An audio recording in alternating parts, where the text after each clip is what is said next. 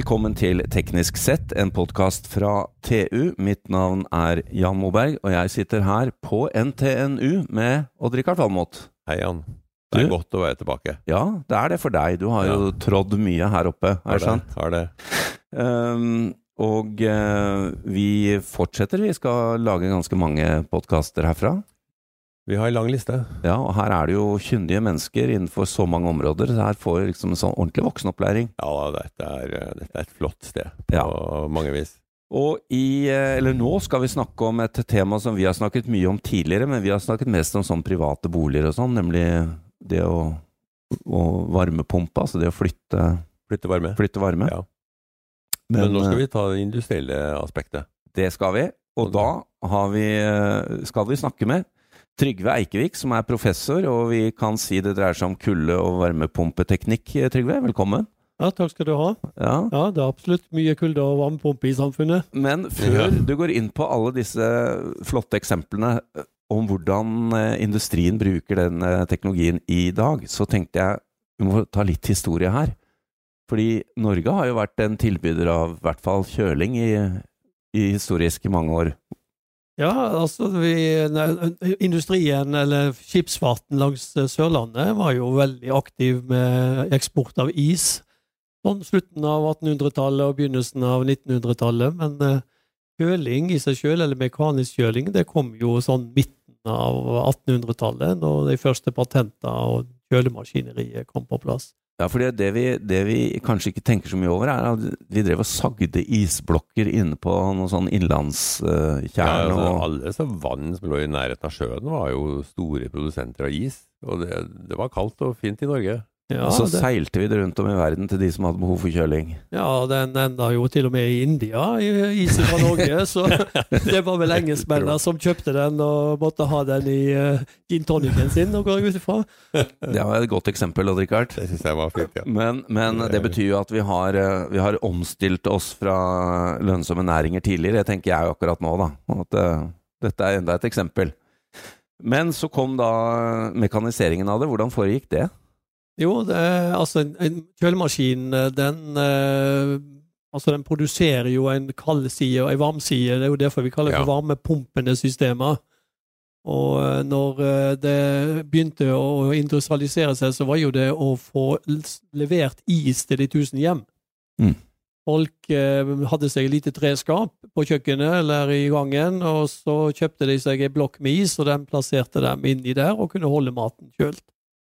Det kunne jo ikke vare øh, lenge, det. Nei, den-. Den smelta nok, så du fikk vel en ny blokk hver morgen antageligvis for å holde maten frisk.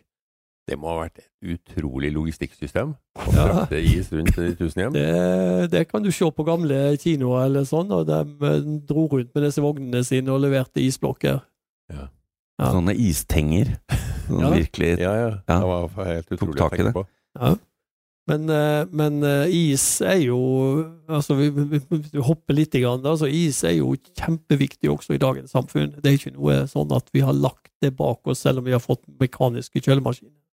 Nei. Nei, og der eh, har jo du mye erfaring med litt sånn konkrete eksempler. Jeg har jo aldri egentlig reflektert over det, hvor stor eh, hvor stort behov det er for kjøling av fiskeeksporten vår, f.eks. Ja, altså den eh, hvis, vi, hvis vi holder oss til is, så er jo eh, nesten all lakseeksport den er jo kjølt med is. Og vi har eh, i dag ca. 1,4 millioner tonn med laks, eller med oppdrettsfisk. Og i eska til den eh, fisken som vi sender ut, så er det ca. 30 med is. Og 1,4 millioner tonn med, med, med laks og 30 i tillegg med is, det, det, blir, det blir ganske store mengder med is. Mm.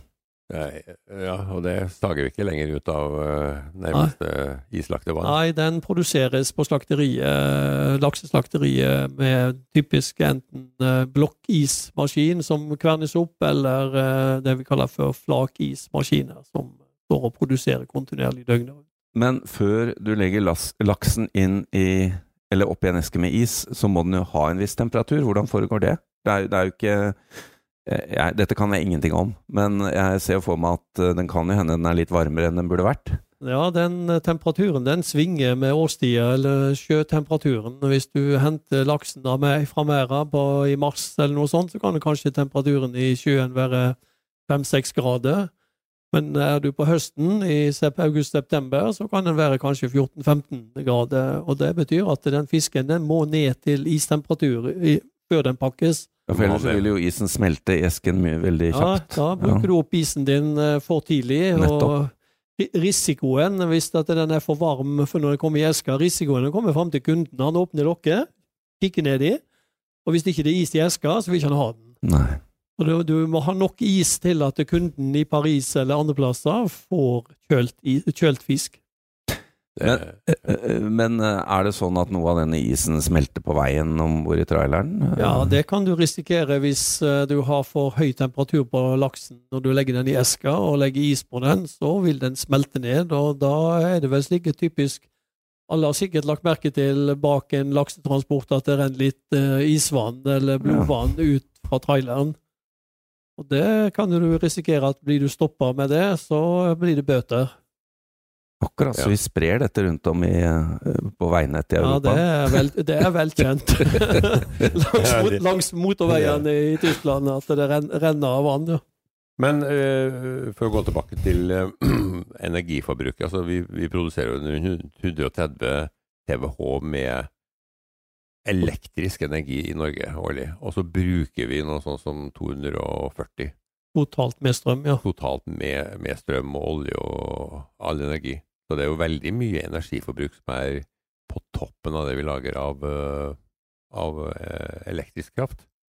Og industrien tar jo en god del av det her. Ja, av de 120 som eh, er i dag, i tillegg til det vi har av strøm, så er vel 70 som går til transport.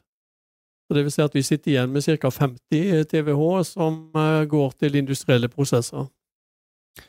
Ja, Og, og det- og det er dette området du er spesielt interessert i? Ja, altså vi, vi har jo begynt å bevege oss med det med kjølesystemer eller varmepumpesystemer for også industriell anvendelse. Ja. Og da snakker vi om temperaturer fra kanskje 70-80 grader oppover eh, kanskje mot en par hundre grader. ja. ja, Det er ikke de eh, 23 gradene du skal ha i stua da? Nei, det, litt, det vil være litt dumt å varme opp stua med en sånn varmepumpe.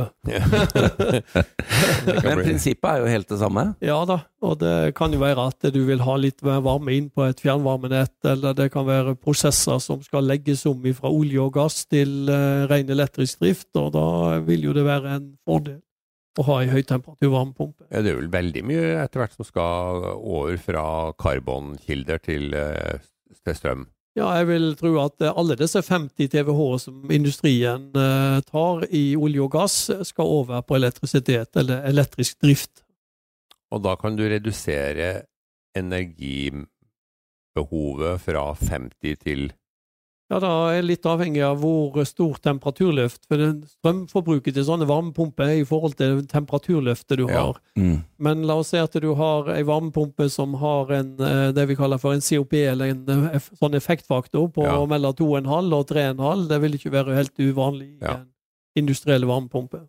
Ja. Det vil si at du kunne redusere det til en tredjedel av eh, de 50. Det er Ja. mye energi, altså. Ja, da er det jammen meg stort tap på de 50 i dag. Men samtidig så belaster jo det her strømproduksjonen vår mer. For at vi, vi går jo over fra en karbonkilde til strøm. Og vi har ikke så mye overskudd av grønn strøm i Norge. Nei, det er, ja, hvis du ser på grønn strøm, så tror jeg vi har en liten utfordring som politisk, eh, hvordan Ja, vi vi skal det. forklare det. Når vi har eh, solgt grønne sertifikater til Europa, som ifølge NVE ligger på ca. 90 TWh, og vi produserer 130, så da har vi en liten differanse som, 40, 40 eh, som gir en liten utfordring. Ja. Her er det noen vi må stille til veggs og spørre noe, stille noen spørsmål. Odd Ja, men jeg, altså mitt inntrykk er at det er et veldig rush på å bruke grønn strøm nå til batteriproduksjon, til alle mulige industrielle prosesser. Man ønsker å bygge ny industri i Norge basert på vann- og vindkraft. Og så har vi ikke nok. Mange tror vi har veldig mye, det har vi ikke. Ja, Vi har altså, i dag, men vi, vi, vi har jo veldig mye strøm, men eh, vi selger jo mye, i hvert fall med disse opprinnelsesgarantiene som vi gir til Europa. ja. Ja, fordi eh, da, da blir vi litt short på, på egne grønne kilder, da, hvis vi har solgt det allerede? Det er vi nok. Ja. Da blir varmepumper enda mer viktig i vårt eget samfunn og, og industri. Men uh, Trygve Eikvik, du hadde et par eksempler eh, her. Um, jeg visste jo ikke heller det, at uh, det var et tema, dette med tørrfisk, klippfisk, Ja, altså som anvendelsesområde. ja. Er ikke det bare ting som skal henge ute, da? Jo, det, Det, er kan det du, vi er vant til å se. det kan du si. Det kan jo være eh, også at vi får noen direktiver som sier at det ikke er tillatt å henge ute heller. Det er jo mye som både påvirker det som kommer ned ovenfra, Ja. og det henger under åpen, åpen himmel. Eh, altså Det første enkle kunne jo være at en dekker det til, slik at ikke Mm. det går an å verken regne ned på eller eh, fuglene flyr over fisken. Men, eh, men eh, standarden, eller direktivet, kommer nok at det der må tørkes inne under kontrollerte forhold. Og det er jo store mengder. Ja.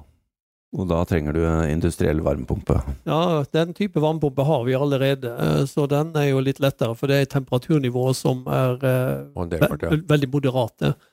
Altså klippfisk, Hvis du tar klippfisknæringa, så tørker de fleste sånne automatiserte klippfisk-tørkeanlegg med rundt eh, 20 grader.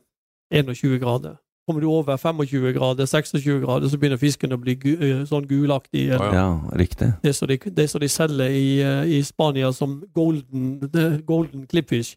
Eller golden, golden bacalao. Overtørka. Den er tørka litt for høy temperatur, men eh, den norske tørrfisken den ligger rundt 20 grader. Og den, eh, den klippfisken Tørrfisken kan du tørke, må du tørke også på sånn noenlunde samme temperatur. Men hadde det ikke vært eh, lurt å sentralisere det her til nærheten av noe ferrolegeringsindustri?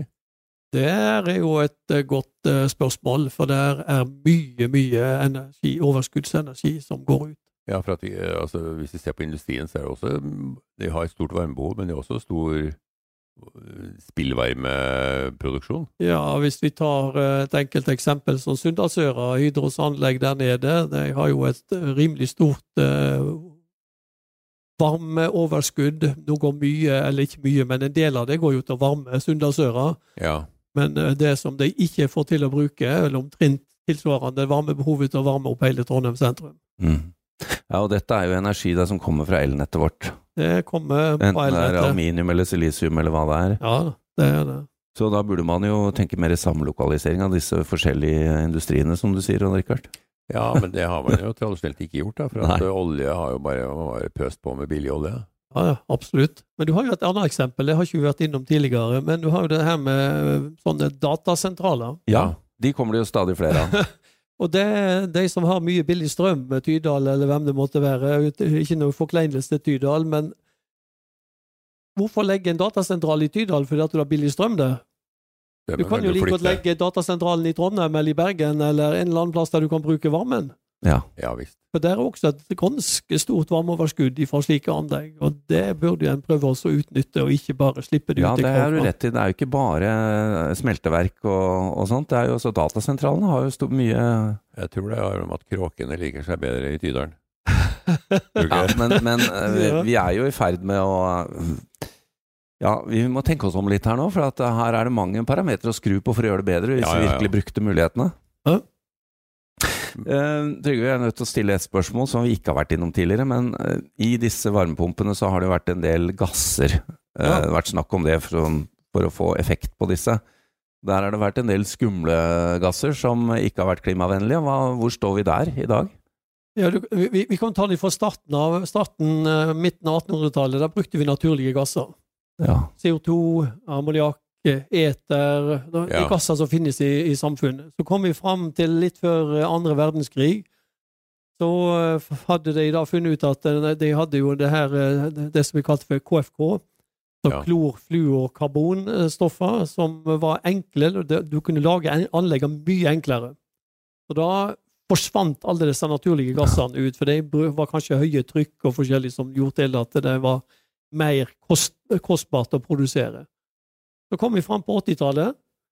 Så begynte de å forske på at eh, eh, ozonlaget begynte å få hull over Sydpolen, og, og, Ja. og fokusere på det var disse KFK-gassene, og det var jo hovedsakelig klordelen i den, her, eh, den gassen som gjorde til den, at det ble brutt ned.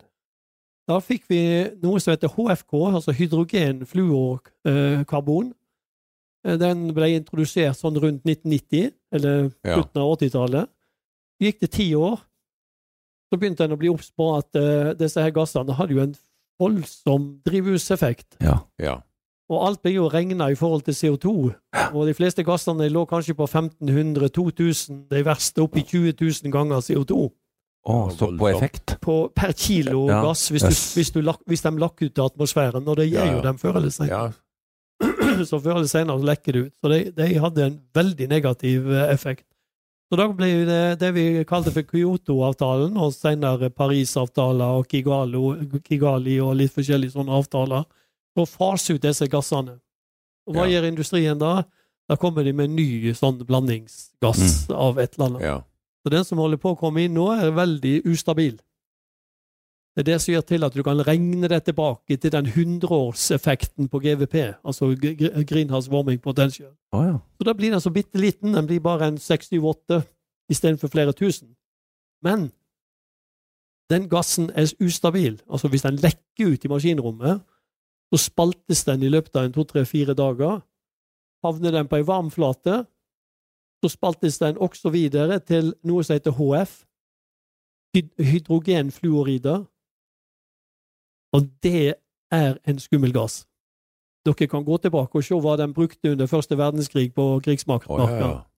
Akkurat. Ja. Så det der er lite kjent.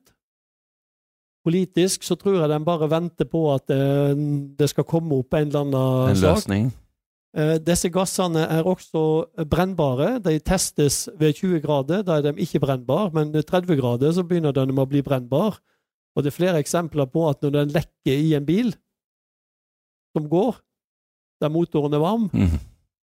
så blir det brann umiddelbart. Akkurat. Er det det som brukes i moderne biler? Ja, det er det. Nye medier, det er 134A er eh, forbudt å bruke, og nå får vi nye sånne R1234, ZD og litt forskjellige Ja. gasser. De er brennbare. Det er flere biler som har brent i Europa. Akkurat, så det er dette som er årsaken? Det amerikanske forsvaret det har gjort flere tester. De skal ikke ha disse gassene inn i sine anlegg, for hvis det kommer ei kule gjennom eh, varmeveksleren, så begynner det å brenne med en gang. Yes. De gamle gassene de sto bare og fresa litt, og så forsvant det. Men CO2, da. altså Gamle Gustav Lorentzen, som var professor her, han jobba jo mye med CO2, vet jeg. CO2, altså Gustav hadde jo en uh, utsagn uh, når uh, det her uh, ozonproblematikken kom opp, at uh, han syntes det at uh, begynner med å introdusere enda en ny familie med nye gasser, så var det mye bedre å bruke naturens egne gasser, Ja. som vi visste var uskadelig både for Ja. folk og for uh, naturen. Så Gustav var veldig fremsynt når han uh, dro fram igjen CO2 som gass til, uh, til kullanlegg. Vi kommer kanskje dit igjen? Ja, vi eh, har jo hatt en filosofi helt ifra midten eller slutten av 80-tallet at vi, jobb, vi jobber ikke med de nye gassene. Vi setter oss godt inn i hva det er og hvordan den fungerer, men alt vi holder på med i vårt laboratorie er naturlige gasser. Og det er, det, er, det er flere grupper. da. Du har ammoniakk, du har CO2, du har hydrokarboner. Så har du vann. Vann kan du bruke til høytemperatur varmepumpe, for eksempel. Også luft. Luft kan du bruke til lavtemperatur frysing, for eksempel. Så det er, eh, du har et sett med gasser som gjør til at eh, du dekker opp dine behov for kjøling og varmepumping. Men med, med litt dårlig virkningsgrad, da? Det er de slettes ikke. De, eh, det kan være marginaler i litt an, ulike anvendelser, men, men det er helt fullt mulig å være konkurransedyktig på energibruk. Det, er- her er det perspektiver, Ja, Odd nå Rikard. ble jeg Blir litt optimist, du. Ja, Ja. absolutt. Vi, har jo, vi har jo et energiregnestykke som vi må jobbe med for å få til å gå opp. Og vi, det er jo betryggende, Trygve, at dere jobber så godt med det her oppe på NTNU. Ja, eh, vi har det veldig artig. Det er flinke, flinke studenter og eh, godt miljø her, så det er eh, vi, vi hele, og, og ikke minst den gode kontakten vi har med industrien. Ja. Ja. ja, for dere sitter jo veldig tett her, ser jeg, med alle skiltene med Sintef og dere, og Ja. her, her er det et blandingsmiljø. Ja. Takk til deg, Trygve Eikevik, professor ved NTNU. Takk til Odd-Rikard, og mitt navn er Jan Moberg. Dersom du ønsker å konsumere enda mer innhold fra oss i TU.no og Digi.no, anbefaler vi at du blir abonnent. Det vil gi deg tilgang til alt vårt innhold innen energi, elektrifisering, forsvar, fly, samferdsel, byggenæring, industri, maritime næringer, karriere og mye, mye mer fra vår kyndige redaksjon. Du vil da også få tilgang til alle sakene Odd-Rikard skriver om sine 687 favorittområder. Vi har også egne avtaler for bedriftsabonnement, og som om ikke det var nok, medlemmer av Nito og Tekna for halv pris.